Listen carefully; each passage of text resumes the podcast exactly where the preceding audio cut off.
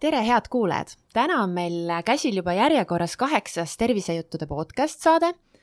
soovime ikka teieni tuua võimalikult laia valiku erinevaid meie inimesi ja ühiskonda puudutavaid olulisi terviseteemasid ja püüame omalt poolt siis ka saateid teha nii, et ükskõik mis ajahetkel te meid ka kuulama satute, siis teemade käsitlus oleks ikka aktuaalne ja selline, et igaüks leiaks puutepunkte ning häid nõuandeid.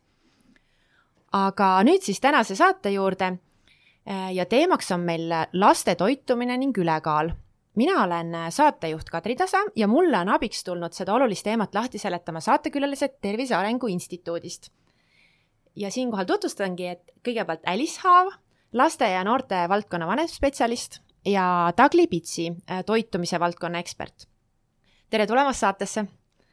Äh, palungi teil endil kõigepealt natuke kuulajatele tutvustada oma tööd ja valdkonda, millega te Tais tegelete tere, eh, olen Dagli ja kuna minu nii-öelda hallata on kogu toitumise valdkond, siis tegelikult eh, ongi erinevate osakondade kõikvõimalikud toitumisega seotud tegevused on need, millel tuleb silma peal hoida ja eelkõige siis eh, kõikvõimalikud voldikud, koolitused, kampaaniad, et kõik, mis taimajast välja läheb, et see on siis meie vastutusel valdkonnas mm. -hmm. et nii siis noored lapsed kui täiskasvanud? põhimõtteliselt küll mm -hmm. jah, et kõiki, kõiki sihtgruppe tuleb siis vaadata mm. -hmm mina siis Alice, tere, ja toimetan siis laste ja noorte valdkonnas ja sellised äh, erinevad äh, laste ja noorte tervisega seotud teemad siis nagu terviseedendus äh, koolides, lasteaedades, aga ka siis valdkonnad nagu toitumine, liikumine, ka vaimne tervis sealhulgas, et erinevate metoodiliste materjalide väljatöötamine, koolitamine,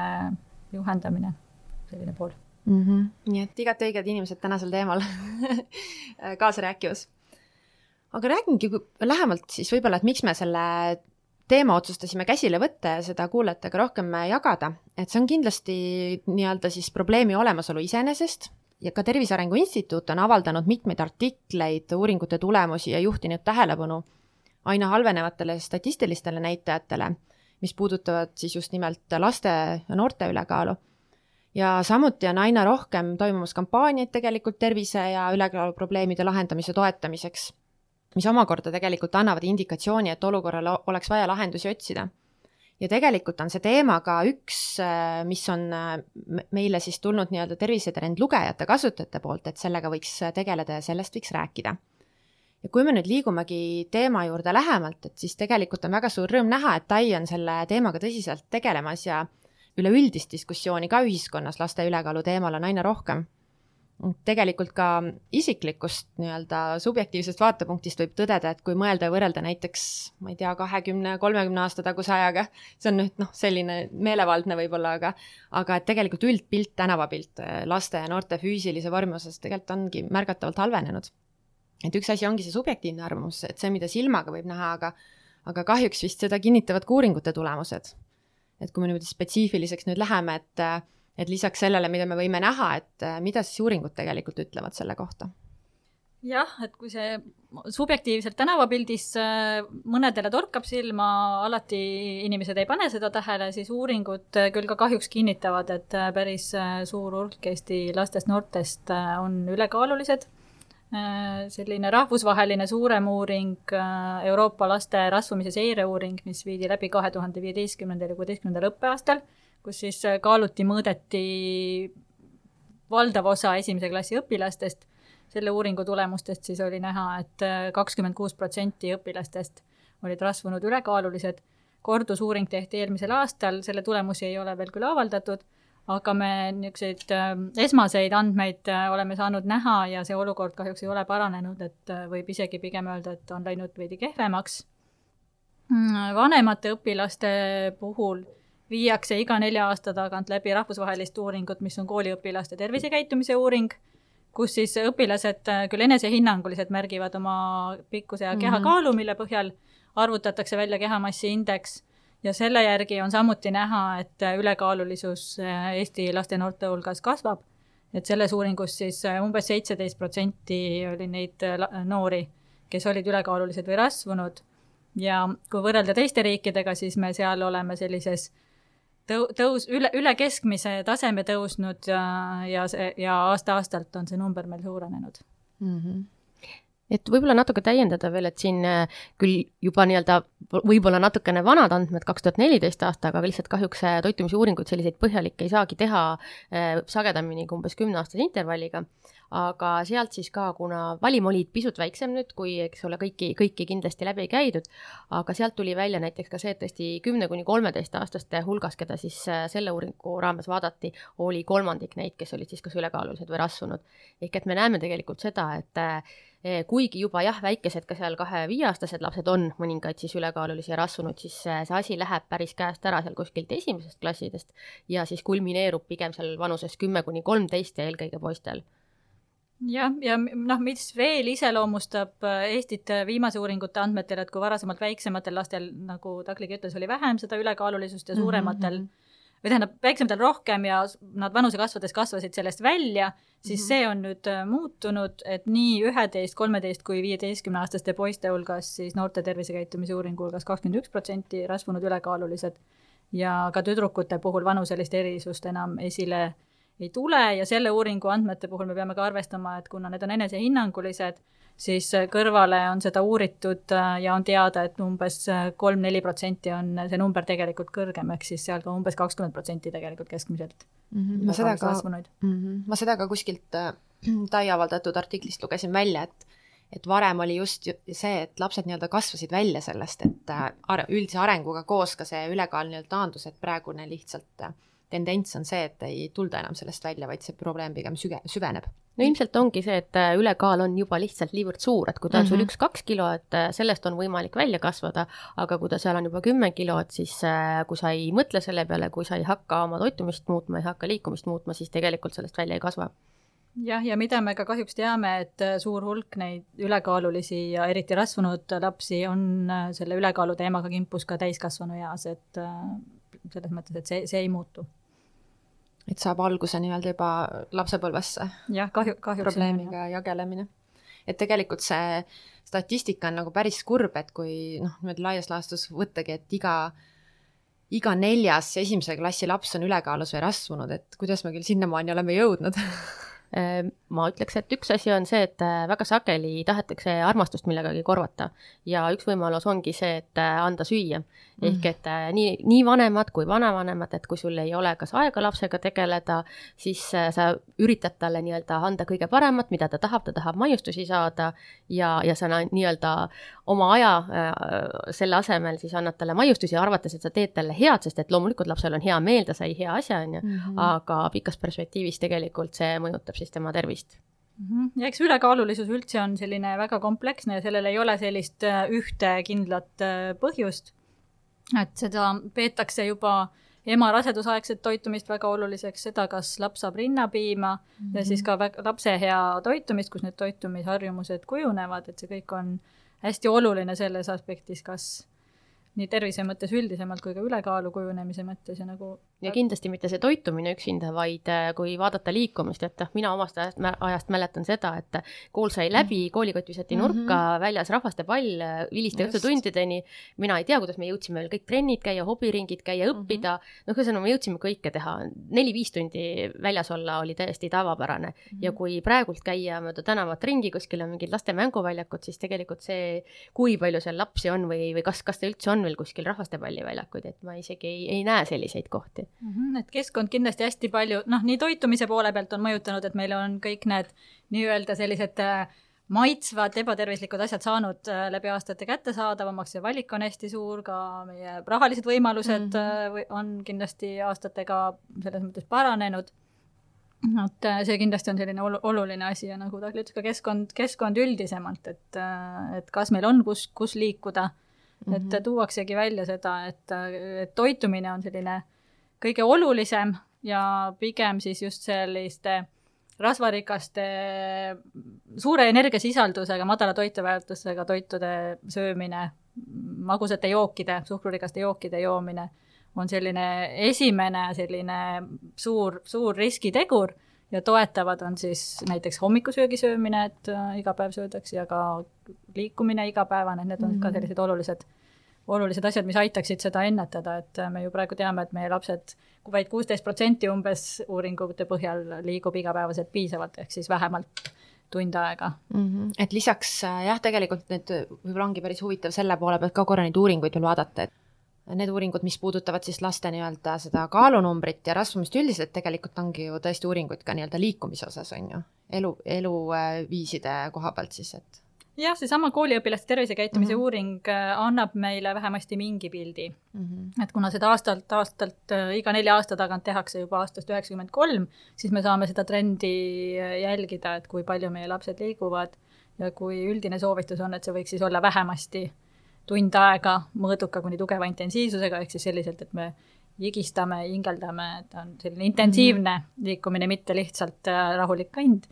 et selliselt siis umbes tund aega peaks päevas liikuma, me teame, et umbes kuusteist protsenti siis kooliõpilastest äh, seda järgib ja väiksemad lapsed äh, koolieelses eas tegelikult peaksid liikuma veelgi enam.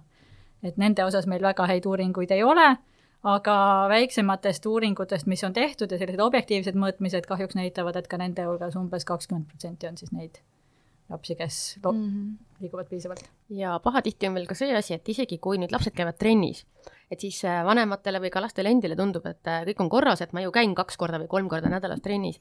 aga kui palju on tegelikult selliseid trenne, kus sa siis see poolteist tundi või kaks tundi teed kogu aeg intensiivselt trenni? Äh, ikkagi tuleb ette seda, et sa ootad, kuni seal võib-olla teine teeb midagi või istud mm -hmm, ja ootad oma mm -hmm. järjekorda. pluss siis see, et tihtipeale sinna lisandub see, et nii trenni kui ka siis ko koju või kooli igatepidi veetakse autoga. ehk et kas siis ei ole võimalusi või on lihtsalt aja, ajaressurss piiratud ja lõppkokkuvõttes, kui siis tunnid kokku lüüa ei tule ikkagi ka nendel, kes siis äh, intensiivselt käivad trennis, äh, ei tule oma siis äh, igapäevast kuutekümmet minutit täis. Jah, ja mida me siis veel teame, on ka see, et selleks, et üldse kehaline, kehaliselt aktiivne eluviis, isegi liikumisharjumus kujuneks, peab saama alguse juba ikkagi koolieelses eas, see eeldab seda, et on olemas olulised liikumisoskused ja tek-, mille pealt tekib juba ka kehaline võimekus ja liikumisrõõm mm -hmm. selleks, et lapsed üldse sooviksid liikuda, aga kui neil puudub see harjumus, keegi ei ole neid õpetanud, siis, siis ei saa ka arvata, et nad äh, edaspidi soovivad liikuda, et mm. -hmm. mul on lihtsalt üks huvitav, võib-olla selline noh, täiesti ka jällegi subjektiivne nagu mõte tuua välja, et äh, mul üks tuttav, kes töötab äh, lasteaias, ütles, et noh, juba sihuke eakam proua ütles, et tänapäeva lapsed ei jaksa kõndida, et kui ta vanasti ikka võtsid lapse käe kõrvale, tegid pika jalutuskäigu, ta jaksas kõndida ja avastada, et et praegu, kui minna rühmaga jalutama, siis lapsed ei jaksa kõndida, nad küsivad, et miks me kõnnime, et millal saab istuda, et ei jaksatagi kõndida, et see tulebki võib-olla sellest, me siin Tervisetrendi toimetuses ka natukene me arutasime, et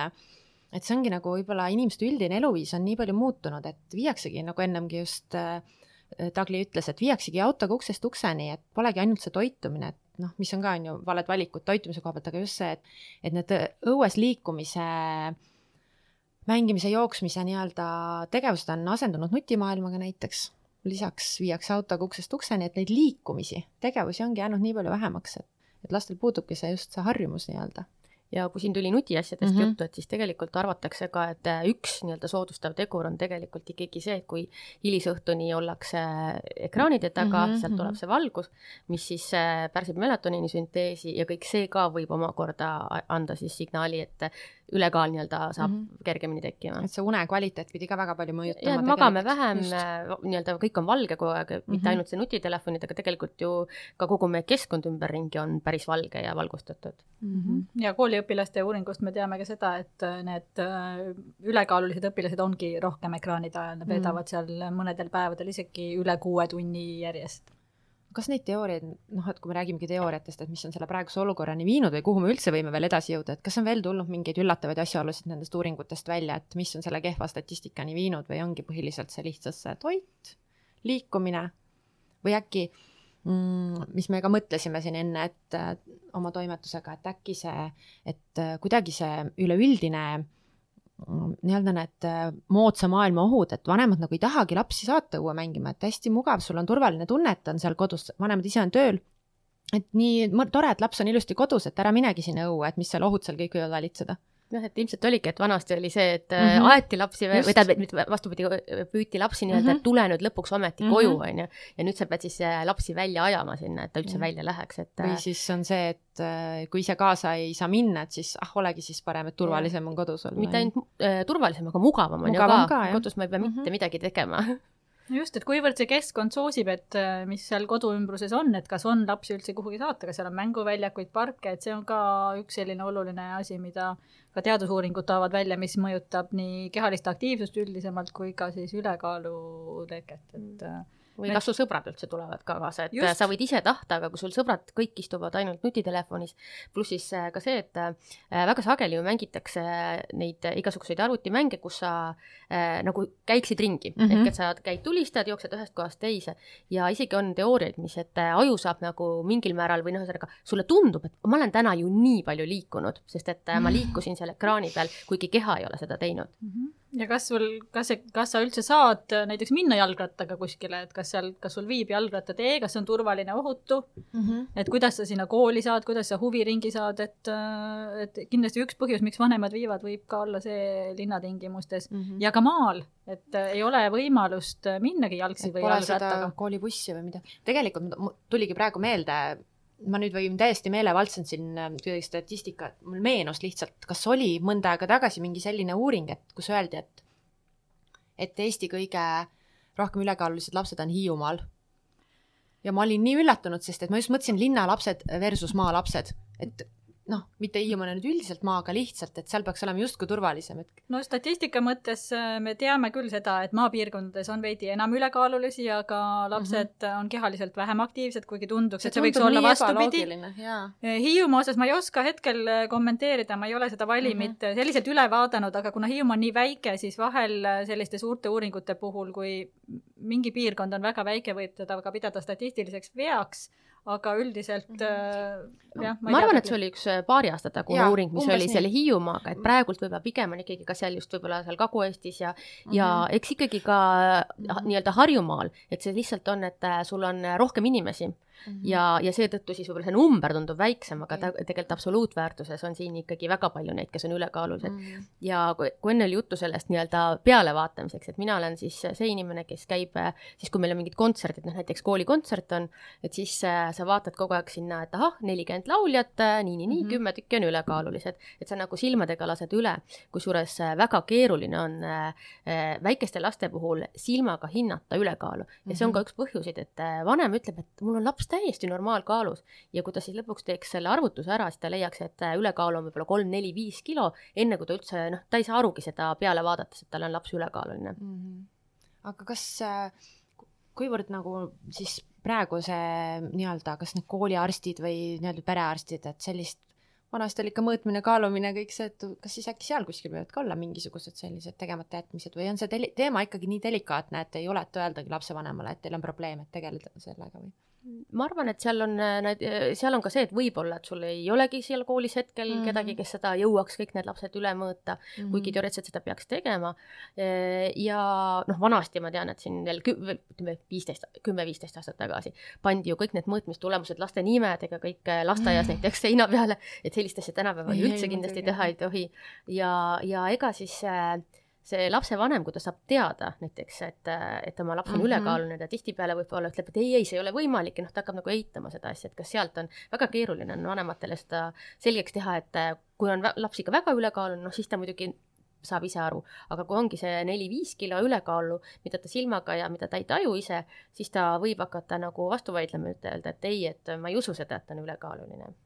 Eks see lapsevanemate toetamine, see kindlasti on hästi oluline, et meil oleksid äh, sellised äh, efektiivsed äh, sekkumised või toetusmeetmed nendele peredele, kus laps juba on ülekaaluline, aga kindlasti minu jaoks veel olulisem oleks ikkagi ennetamine, sest et mm -hmm. alati asju ennetada on oluliselt lihtsam kui pärast nende tagajärgedega tegeleda ja siin ikkagi selline toetav keskkond, et need tervislikud valikud oleksid lihtsamad, on hästi oluline mm, -hmm. just seesama, mida mida need lapsed äh, kõigepealt siis kodus söövad või ka koolis, lasteaias, mida pakub koolipuhvet, et me teame, et väga paljudes koolides on olemas koolipuhvet äh, ja samas need valikud, mis seal on, ei ole kindlasti need, äh, mida me sooviksime seal näha, et, et selles osas isegi ei oska öelda, kas see asi on läinud paremaks, et on see olnud rohkem fookuses ja siis tundub, et nagu läheb paremaks, kui mul nüüd kolleegid on käinud koolipuhveteid niimoodi Äh, pisteliselt lihtsalt vaatamas muu koolikülastuse käigus, siis need pildid, mis nad mulle on saatnud, on äh, tegelikult pigem nagu ehmatavad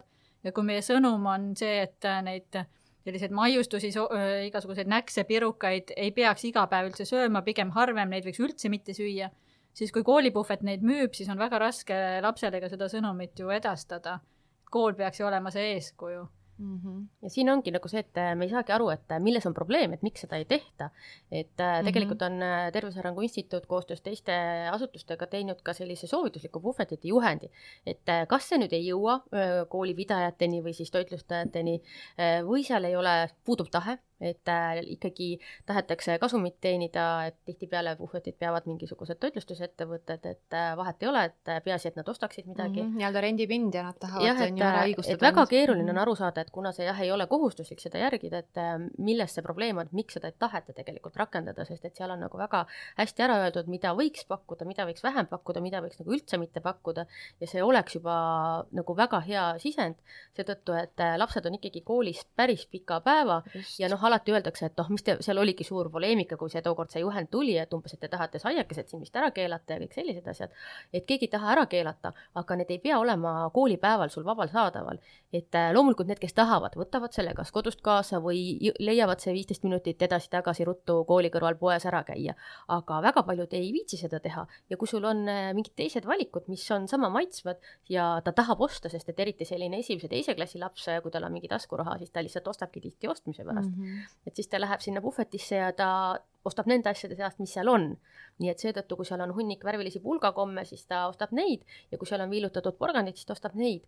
nii et äh, lihtsalt äh, tuleb vaadata, et mis need valikud on, mis nagu paremad oleksid sinna panna no just, et see oleks selline ka see kooli, kui me nüüd koolist räägime mm, -hmm. see õppetegevus, et ma tean, et nad teevad smuuti nädalaid, smuutipäevi need, need puuviljade, köögiviljade söömine mm, -hmm. see on, mhm. äh, koolid tegelevad selle küsimusega, kui see, kui see keskkond seal ümber seda ei toeta, sa oled puhvetis ja see valik on hoopis muu, siis äh, siis on ka väga raske seda eluviisi selliselt nagu muuta või panna neid lapsi neid asju sööma, et selleks, et nad saaksid süüa, need asjad peavad olema kättesaadavad. ja loomulikult nad peavad olema ka ahvatlevad mm. -hmm. sest lasteaialaps ju ikkagi sööb seda, mis tal seal nii-öelda päeval ette nii-öelda antakse ja need kõik need vahepalad ja nii-öelda puuviljad võib-olla on ju, aga, aga jah, koolilaps, kui ta, eriti kui me oleme rää-, noh, on palju juttu olnud ka koolitoidu kvaliteedist, on ju, et võib-olla lapsed ei taha seda koolitoitu süüa, siis ta see ainuke variant ongi sinna puhvetisse minna. ja sealt saabki see asi siis alguse nii-öelda noh, ma ei saa nüüd öelda, et see koolipuhvet on nüüd see kurja ei, juur no, see, et valikute küsimus. sest et noh, ka tavalises poes ju, kui me vaatame mm, -hmm. mida, mida müüakse, kuidas asjad on eksponeeritud, kui suur osa on näiteks maiustustel äh,, saiakestel, kui suured, kui, kui suured letid mm -hmm. ja mhm. vahel kui väike osa näiteks, eriti maapoodides, kus on äh, vaatsin. puu- ja köögivilja valik äh, tihtilugu väga, väga kesine et äh, see, see on, see on kindlasti laiem, laiem küsimus kui mm. ainult äh, koolipuhvet. kindlasti muidugi. kogu see kooli teema juures on ka nii-öelda see teine pool, et üks pool on see, et mida talle süüa pakutakse, teine pool on see hariduse pool mm. -hmm. ehk et äh, jah, et meil on inimeseõpetuses natukene toitumist käsitletakse, aga esiteks on seda nagu kohutavalt vähe, ta hajub sinna ülejäänud õppimise asja sisse ära ja õpilased ei saagi aru, et noh, et see on nagu see asi, mida mul reaalselt elus võiks vaja minna, et siit võtaks ja jätaks meelde midagi. teiseks, ma ei kujuta ette, kui palju teil üldse on nii-öelda korralikke taustateadmisi toitumisest, eh, kes seda õppeainet annavad. tihtipeale ongi, et võib-olla tuleb nii-öelda see õpetaja, kellel oli koormus väiksem ja kes pannakse seda ainet andma, tal ei pruugi olla, et kui õpilane hakkab nagu täpsustavaid küsimusi küsima, ta ei oskagi võib-olla vastata nendele küsimustele, et eriti ka ülekaalu osas või et mida ma peaksin tegema, et mm, -hmm. et kõik selline nii-öelda see teadvustamine ja, ja harimine sinna juurde. Või et äh, see on väga tore, kui õpetatakse toitu valmistama, et kahjuks küll muidugi see juhtub võib-olla kolm korda aasta jooksul, kui siis koolis on sellised võimalused aga väga sageli on ka need signaalid, et äh, see toit, mida seal valmistatakse, et see ei ole mitte nüüd see, et me teeks näiteks mingisuguse köögiviljahautise, mis oleks see, et näiteks lastele, et ma panen palju köögivilju sisse ja see on maitsev vaid äh, ikkagi on pitsad, pastad, mingid sellised asjad, mis on laste mhm. lemmikud. ehk et õpeta lapsi, kuidas teha süüa ja millised on need õiged valikud, millest sööki teha no eks sama ilmselt ka täiskasvanute puhul, et, äh, et võib-olla ka lapsevanemad vajaksid sellist toetust ja nõustamist, et mida siis lastele pakkuda kodus selliselt mm, -hmm. et mhm. see oleks äh, tervist toetav ja et see oleks ka lihtne, sest ega see ei pea olema ju keeruline. sageli samas ilmselt õhtul töölt väsinuna tulles poolfabrikaat äh, viinerid, pihvid tundub äh, väga lihtne, kiire valik, liha on sees, tundub mm -hmm. võib-olla ka kasulik, aga kas see alati nii on, et pigem ei ole ma just enne ka korra mõtlesin, kui me rääkisime siin natuke sellest nii-öelda kodu, kodu nagu toest ja sellest, et kuidas vanemad selle infoga üldse hakkama saavad, et nende laps on ülekaaluline või, või olla selline probleem, et tegelikult see tihtipeale ka on ka ju terve pere probleem. et kui neid toiduvalikuid selliseid tehakse, siis tegelikult on võib-olla seal ees juba ka ülekaalulised vanemad ja õed-vennad, on ju, et et noh, et see tegelikult tihtipeale kipub olema võib-olla terve pere probleem hoopis. ja väga sageli ongi niimoodi, et äh, vanemad ütlevad, et aga muidugi ta on ülekaaluline, et see on geneetiline, et ja. mina olen paks, isa on paks, eks ole, ja mm, -hmm. ja et äh, muidugi meil on laps paks, et äh, keegi ei mõtle selle peale, et ta on paksud sellepärast, et või noh, ülekaalulised sellepärast, et nad on valesti söönud või liiga vähe liikunud mm. -hmm. et, et see on kindlasti üks asi. jah, kindlasti geneetikaga ka veidi seda seostatakse, aga pigem tavaliselt on see rohkem ikkagi seotud selle eluviisiga, et mm, -hmm. et kuidas, millised on pere toitumisharjumused ja, ja ka liikumisharjumused. nii et ütleme, et tegelikult alustama peaks äh, sellest hetkest, kui juba teate, et last ootate või isegi veel enne seda mm. -hmm. ehk et enda toitumine korda, sealt imiku toitumine korda, et ta hakkab erinevaid maitseid äh, tunnetama, neid maitsma äh,, ei anna alla, isegi kui ta ei söö teatud asju, ikkagi paari päeva pärast või nädala pärast proovite uuesti, et äh, kui te ei tee seda järjepidevalt ja väikesest äh, lapsest peale, siis äh, katsuge te teismelisele seal midagi hakata mm -hmm. uut või sellist tegema, et ta, et, et tal niikuinii tekivad seal tagasilöögid selles vanuses, aga vähemasti kui tal on selline baas all, siis ta ühel hetkel jõuab ikkagi oma normaalse toitumiseni jälle tagasi. Ja mida ka tuuakse veel, et kuna väiksed lapsed ju tegelikult armastavad äh, magusat maitset, mis tuleneb sellest, et rinnapiim on magus, et tuleks, äh, et ei ole väga hea lisatoit, äh, mis on magus, et tegelikult tuleks harjutama hakata teistsuguste toitudega, et kui kõik asjad on magusad, siis, siis see paratamatult viib selleni. et meie, me eelistamegi kogu aeg seda mm.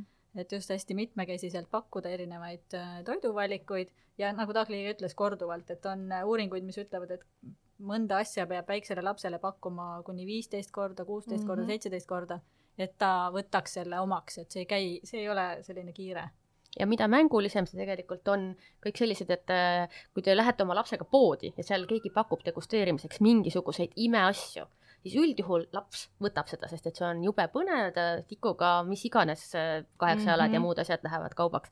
aga kui te selle koju ostate, siis ta ei söö seda. nii et võib-olla ka tasub jällegi kaasata lapsed toidu valmistamisse, et nad näevad, kuidas süüa tehakse äh,, valikute tegemisse, aga loomulikult mitte siis niimoodi, et kas meil on täna piim või limonaad, vaid sul on mingisugused muud valikud, mida sa oled äh, nõus talle andma ja siis palud nende vahel valida, et nii-öelda heade asjade vahelt siis äh, saab oma valikuid teha, aga ta näeb, et ta saab otsustada, mida ta sööb.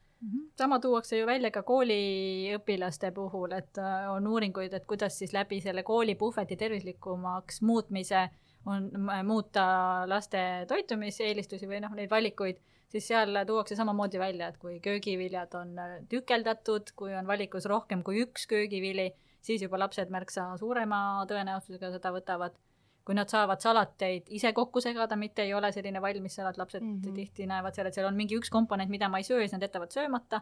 et äh, siin on väga palju sellist äh, teadlikult võimalik ära teha, et lapsed sööksid rohkem, et meil vist ennem ei olnud sellest juttu, aga üks, üks pool, mida me ju ka näeme, on see, et meil süüakse liiga palju maiustusi ja selliseid äh, so magusaid soolaseid näkse, aga liialt vähe köögivilja mm -hmm. ja ka puuvilja hetkel liiga vähe ja nad on kõik jällegi seotud ka selle ülekaalulise tekkeriskiga et sealt toitumisuuringust, mis oli siin, et äh, tuli täpselt tõesti välja seesama asi, et et köögivilju, mida siis peaks võib-olla minimaalselt kolm portsjonit sööma, isegi rohkem, ehk et see portsjon on umbes sada grammi, et äh, keskmiselt süüakse heal juhul üks portsjon, puuviljadega noh, enam-vähem see kaks portsjonit tuleb täis aga maiustuste poole pealt, mida siis äh, võiks olla magusad ja soolased näksid, äh, saiakesed, äh, magusad joogid, et neid võiks seal olla olenevalt vanusest nüüd, et kui on väga väikesed lapsed, siis maksimaalselt kaks portsjonit päeva kohta ja portsjon on enam-vähem niimoodi, et on kümme grammi tahket ja sada grammi vedelat, mingit magusat mm -hmm. asja nii et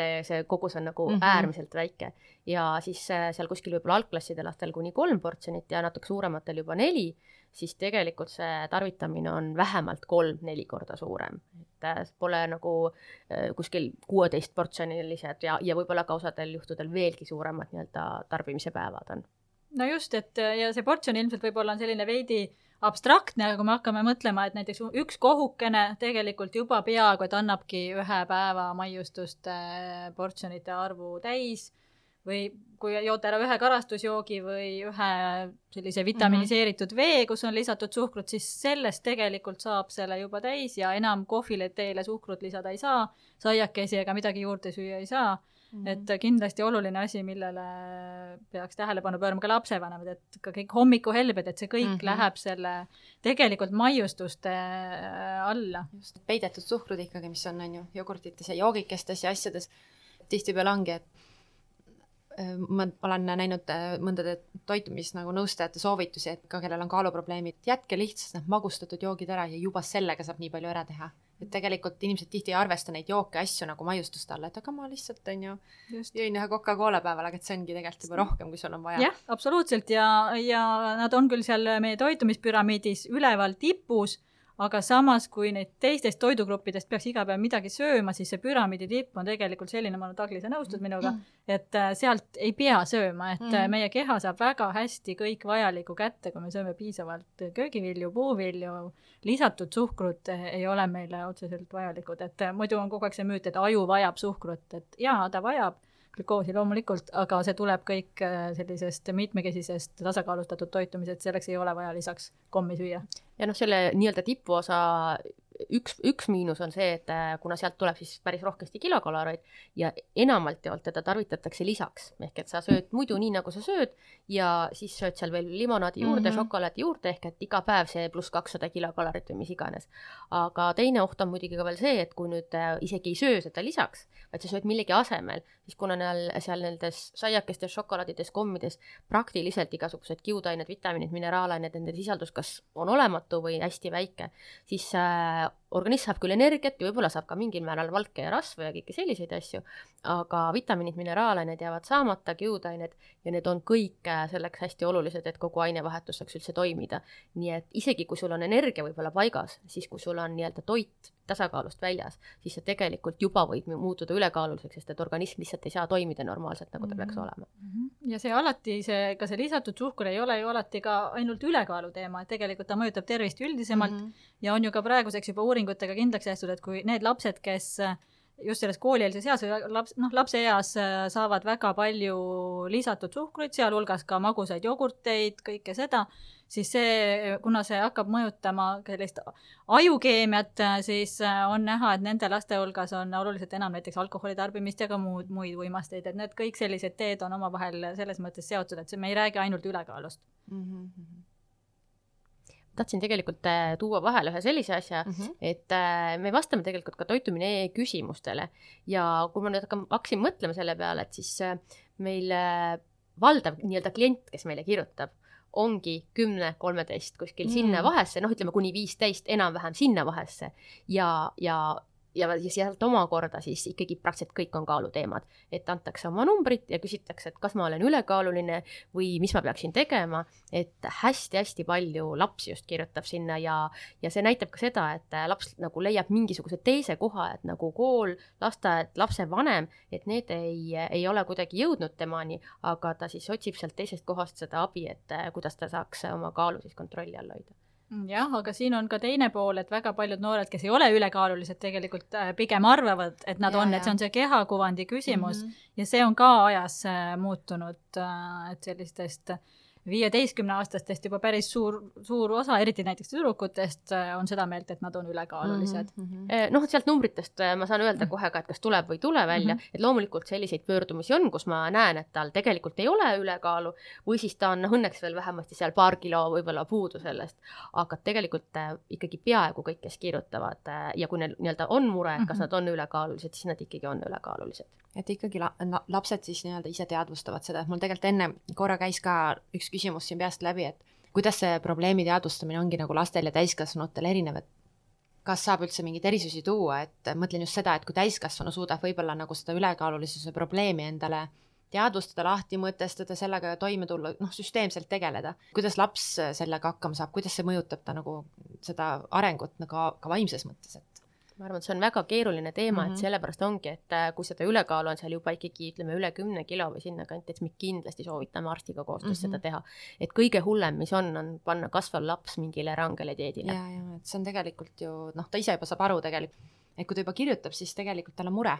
jah jah, aga üldisemalt äh, mulle endale tundub, et äh, ka täiskasvanud mitte alati ei teadvusta seda Mhm, ülekaalu kui muidugi. probleemi, et äh, see on oluline ikkagi terviserisk äh, erinevate krooniliste haiguste tekkeks mm. -hmm. südame-veresoonkonna haigused, vähkkasvajad ja diabeet, noh, väga-väga-väga mitmeid äh, rida Mhm. haigusi, et see seda ole- ei teadvusta ja mm. -hmm. ja see, see võib-olla ei teadvustata seda alati ka arstide hulgas, et nad tegelevad küll rohkem nende haigustega, aga, aga sellega, kuivõrd tõsine probleem on tegelikult ülekaalulisus.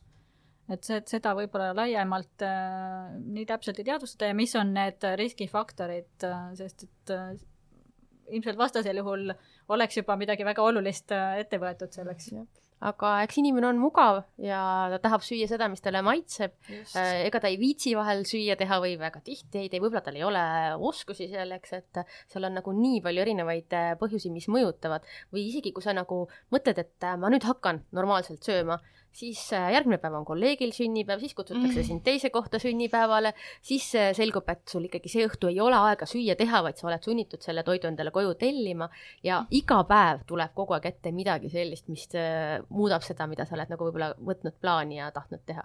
Absoluutselt, et see keskkond jällegi peab hästi toetama neid, et need tervislikud valikud, nagu ma ütlesin, oleksid sellised lihtsad ja mugavad, mitte ei lükkaks selle vana raja peale tagasi, et kui meil praegu ka on just see harjumus, et pakutakse sünnipäevadel torti ja kringlit või mida koolides, et mida võiks tuua klassiõhtule või et need on mm -hmm. kõik ka sellised kohad, läbi mille saab tegelikult ju mõjutada, Mhm. et mis on see meie norm just, ja norm ja mis on see kogus, et võib-olla lihtsalt ongi see reaalsustaju ka ära kadunud, et et see kogus, et ega ju tegelikult äh, noh, nii-öelda aastaid tagasi, kui see probleem polnud nii suur, söödi ka ju magusat, on ju.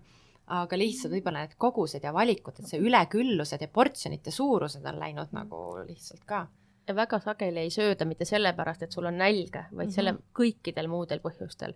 et äh, sul ongi mingi pingeseisund ja eriti just ongi, mida ülekaalulisem sa oled, seda rohkem sul võib ka selliseid stressiolukordi ette tulla ja see kõik paneb sind omakorda sööma, sest sa ei oska oma pinget, oma muret kuidagi muud moodi lahendada, vaid sa korraks tunned ennast hästi, no siis sa tunned ennast muidugi jälle halvasti mm, -hmm. aga see ongi nagu oled seal ratta sees, et, et need mõjurid, et me näljatundest sööme ju tegelikult ikkagi väga harva. et siis, kui meil on tõesti olnud mingi söögikord jääb vahele, siis me tunneme, et oh, meil on kõht tühi, aga muidu on mingisugused kas ette antud ajad, millal sa saad süüa, millal me oleme harjunud sööma või siis äh, kõikvõimalikud muud põhjused, et keegi just praegu pakkus meile süüa, läksin vanaema juurde, tal oli kõik söögid valmis tehtud, kuidas ma ütlen, et ma just tulin oma kodust ka söömast, ikkagi ma söön seda, ehk et me sööme nagu igasugustelt isudelt, muudel põhjustel äh, tulenevalt väga-väga palju kordi nii-öelda rohkem, kui me peaksime sööma. ja nagu ta, Tagli tõidki välja, et kui on selline kehv tuju või selline stress, et siis me kipume sööma ja on äh, käinud uuringutest läbi ka see, et see võib tulla meil lapsepõlvest, et näiteks äh, mina mäletan oma lapsepõlvest, et kui kukkusid või olid ehmatanud, siis mis, mida siis vanaema pakkus, alati suhkruvesi mm.. või et kui sa oled, laps on kukkunud, siis öeldakse, no võta üks komm mm. -hmm. et meil juba lapsest peast õpetame, et kui sul on selline Lohutus. ebamugav, kehv olukord, siis magus aitab ja selliselt me siis läbi elu sellega tegeleme, et on raske tööpäev, mis ma ikka ostan endale suure jäätise jah mm, -hmm. et kallim jätab maha siis, et kui vaatad neid Ameerika filme, et siis on tavaliselt see kahe, kaheliitrine jäätis seal. et see on selline jah, harjumused, mis tulevad lapsepõlvest kaasa ja millele tegelikult lapsevanematena tasu, tasub mõelda, et milliseid milliseid äh, selliseid käitumismustreid nagu lohutuskäitumine, eks ole, et kui sa saad haiget, siis antakse sulle. Või siis see, et äh, sul on nii-öelda vaja endal midagi teha, tööasju ja et lapse jalust ära saada, jällegi noh, pigem väiksemate lastega antakse talle küpsis, mine näriseda kuskil nurgas. Mm ja kogu aeg see nii-öelda lapsele tegelikult alateadvuses, et kui mul on igav, siis ma söön, kui mul on halb, siis ma söön, et see vaikselt niimoodi kuhjub. see meie jutust jah, kõlab siin juba tegelikult algusest peale läbi see üks ja sama muster, et tegelikult need harjumused, harjumused nii-öelda et see tegelikult ikka tuleb, noh, inimestele nii-öelda see teadvustamine või selle info viimine, et mis selliste pisikeste nii-öelda käit- või noh, pisikeste käitumis, ütleme siis käitumismustritega üldse on nagu tulevase elu mõttes noh, tehakse lastele, on ju. et kuidas need praegused kampaaniad näiteks, mis käivad, et mida veel saaks nagu ära teha või et et kui, kui palju te näete seda, et see tööpõld on nagu noh, tööpõld tundub olevat lai, aga kui, kui lai ta võiks nagu olla, et just ongi inimeste informeerimine nii-öelda liikumisharjumuste, söömisharjumuste juba maast madalast juurutamisega. No ütleme niimoodi, et kampaaniatega mm -hmm. laste puhul noh, ilmselt mm -hmm. ei mhm. ole nagu eriti just. midagi teha, et kampaaniad, kui üldse midagi eh, kuskile tähelepanu juhtida, siis pigem täiskasvanutele, kes siis läbi oma toiduvalikute mm -hmm. mõjutavad lapsi. aga lapsi saab siis ühelt poolt eeskujuga, aga kindlasti nende antavate teadmistega, et selleks on ka siis tõesti Tervise Arengu Instituut koostanud nii õpetajaraamatuid koolidele, kui nüüd alles hiljuti tuli ka lasteaedade, lasteaedadele üks õpetajaraamat, et eh, kuidas kogu aeg hoida see toitumise teema pildil, kuidas rääkida, kuidas seletada, ehk et äh, loota, et äh, need, kes peaksid õpetama, nad viivad ennast ise kurssi kõigepealt selle teemaga, et mida peaks rääkima, kuidas peaks rääkima, et kunagi ei tohi hirmutada või midagi mm, -hmm. vaid ikkagi mõjutada neid käitumisi ja milliste tegevustega seda võiks teha, et see harituse teema on hästi-hästi oluline ja hästi oluline on ka see, et äh, kõik oskaksid pakendeid lugeda, mis sinna kirjutatud on. ehk et kas ma ostan selle toidu või ma ei osta, et millised on need asjad, mille järgi ma selle oma valiku teen, et vaatan, kas seal on lisatud suhkruid palju sees, et kas see suhkur asub seal eespool, kas seal on soolakogus väga suur või, või muud sellised mm -hmm. faktorid, mida siis vaadata selle pakendi pealt. et ikka see harimine on nii siis jah, ühelt poolt kindlasti harimine on, on oluline, teiselt poolt jällegi ikkagi ka see keskkonna kujundamise pool mm, -hmm. et mhm. äh, milliseid, äh, milliseid valikuid inimene saab teha, et need oleks talle lihtsad, taskukohased, et äh, mida me ju ka näeme nii ülekaalulisuse kui toitumise kui ka kehalise aktiivsuse võtmes, et et sotsiaalne taust äh, väga palju mõjutab, need äh, lapsed-noored, kes tulevad äh, paremini toime tulevamatest peredest, neil on üleüldisemalt parem tervis, nende hulgas on mhm. vähem ülekaalulisi ja üldiselt ka nende toitumis-liikumisharjumusi me saame pidada paremaks, et, et see on kindlasti ka üks pool, kuhu tasub suunata nii rahalist ressurssi kui ka ilmselt seda teadlikkust just sellistelt haavatavamatele peredele ja et ka, mida ma ise olen mõelnud, et äh, huviringid meil on mingis osas tasustatud koolieas, aga koolieelses eas, kus liikumisoskuste õpetamine on äh, veel eriti oluline, seal tegelikult tulevad nad äh, kõik lapsevanema rahakotist ja siis juba sõltub sellest, kas see lapsevanem on teadlik, kas ta peab seda oluliseks ja teine, kas tal on selleks üldse mingid võimalused. et jällegi üks pool, millega tasuks kindlasti tegeleda ja noh, ma loodan, et tänapäeval on nagu kõik need, kes õpetavad liikumist koolides, kehalise õpetajad, et, et nad ei ole mitte alati ainult selle tulemuse ja hinde peal väljas mm, -hmm. vaid nad mhm. tõesti nagu tekitavad äh, lapse sisu liikuda, et nad õpetavad mm -hmm. talle mhm. erinevaid võimalusi. et kui sulle ei meeldi joosta, siis äh, sina saad võib-olla korvpalli mängida või kui sulle üldse ujumine ei meeldi, siis võib-olla sulle meeldib suusatamine. ehk et äh, laps leiaks tegelikult selle mm -hmm. ala, kui ta on mõnes nii kobaja, siis ta võib-olla tehakse veel klassis naerualuseks ka, et sa ei hüppa üle kitse, on ju. et siis ta hakkab vihkama seda liikumist mm -hmm. ja see võib võtta aastakümneid, enne kui ta saab aru, et äh, tegelikult mingi teine tegevus on täitsa te see, mis temale sobib.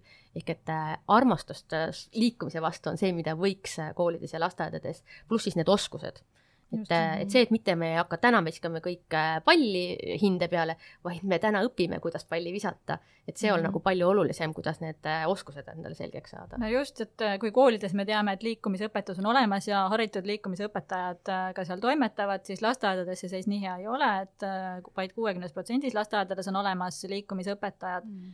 ja selles mõttes on kindlasti oluline, et ka äh, see kooli, koolieelses eas see liikumisharidus ja selle kvaliteet paraneks, et kui rühmaõpetajaid, rühmaõpetajad viivad tunde läbi, et nad oleksid saanud täiendavat koolitust selles osas, kuidas seda teha sest nagu ma ütlesin, siis just see, mhm. see on see aeg, kus pannakse alus just. sellele, kas, kas need lapsed tulevikus soovivad ja tahavad liikuda mm. -hmm. mulle meeldis, mis alguse poole ka Alice ütlesid, et, et lapsel peab jääma see tunne, et ta saab sellega hakkama, et selle pinnalt üldse saab midagi hakata ehitama selle füüsilise vormi koha pealt, et. absoluutselt ja me teame ka seda, et noh, väiksemad lapsed on meil kehaliselt aktiivsemad, suuremad mm -hmm. lapsed juba liiguvad vähem ja poisid liiguvad rohkem kui tüdrukud ja tüdrukute puhul siis sellises puberteedieas see kehaline aktiivsus sageli langeb just selle tõttu, et neil see tun-, see tajutud kompetents või arusaam mm -hmm. sellest, äh, et nad äh, saavad hakkama või oskavad, see langeb ja siis nad enam ei, ei, ei soovi. ja seda sa-, aitab väga hästi ennetada see, kui nad on saanud sellised baas, baasliikumisoskused mm. -hmm. ja kui me nüüd nagu mõtleme niimoodi,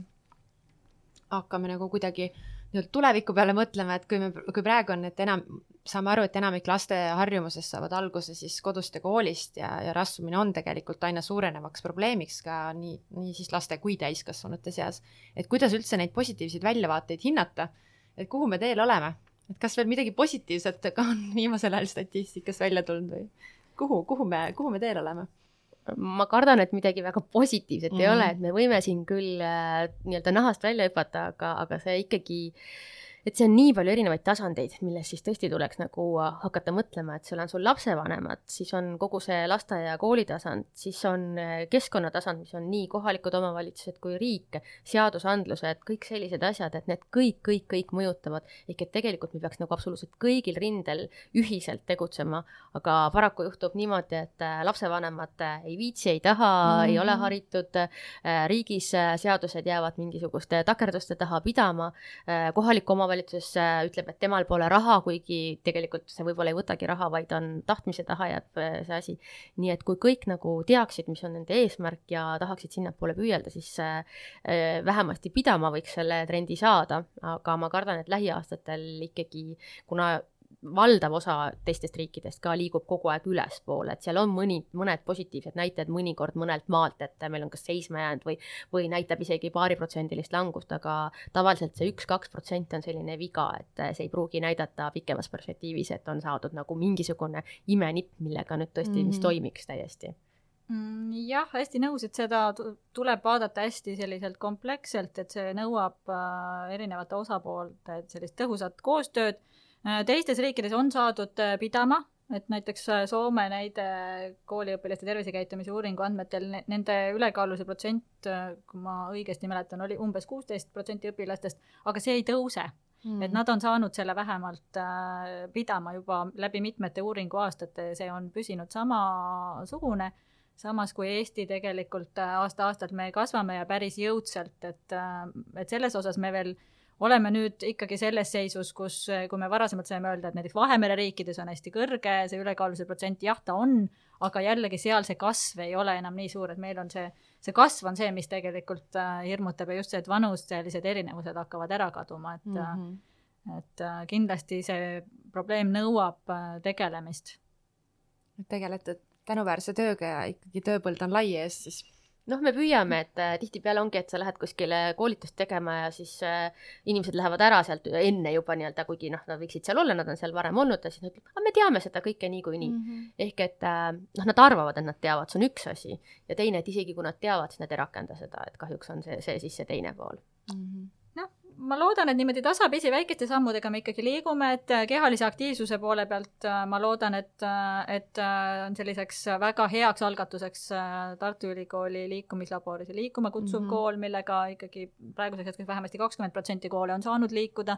see liikumise teema on fookuses, eks seda näitab aeg, aga me ikkagi saame loota, et selline süsteemne tegutsemine viib selleni, et, et ühel hetkel meie lapsed liiguvad rohkem aga kindlasti ka toitumise valdkond nõuaks äh, süsteemsemat mhm. tegevust mm -hmm. ja liikumisvaldkond ka nooremas äh, koolieelses eas, et praegu meil koolilaste puhul on see võetud fookusesse, aga see peaks olema juba varasemalt sellise et noh, toitumisega ka, et meil on siin isegi teatud määrused nii-öelda seisavad juba mm -hmm. aastaid, et, et ka koolitoitu tegelikult, kui vaadata praegu kehtivat määrust ja selle järgi toitu teha, siis ma ütleks, et see on kuritegu, sellepärast et seal peab nagu meeletus koguses suhkrut panema sisse, et seda viitekümmet viit protsenti süsivesikut ja energiat kätte saada. et äh, ammu juba me oleme seal kõik äh, uue, uued äh, parandusettepanekud ja kõik teinud, aga kahjuks ta seisab, ehk et loodame, et äkki ikkagi järgmise aasta jooksul suudetakse seda siis lõpuks äh, läbi viia, et, äh, et see aitab nii-öelda kaasa neid toitlustajaid, et äh, nad teavad, et nad on mhm, mhm. õigel teel, kuidas äh, muuta seda asja, kuidas panna rohkem puu- ja köögivilju, millist, äh, mida vähem võtta, et suhkrut ära võtta sealt toidust nii palju kui võimalik, need lisatud suhkrut.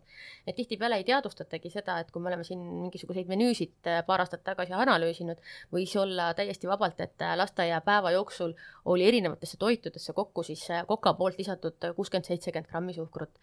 ehk et kahe-kolmekordne kogus lisatud suhkrut mm -hmm. ja arvestades, et ta läheb veel koju ja õhtul sööb oma mm -hmm, kommid-šokolaadid mm -hmm. ja kohukesed seal veel peale.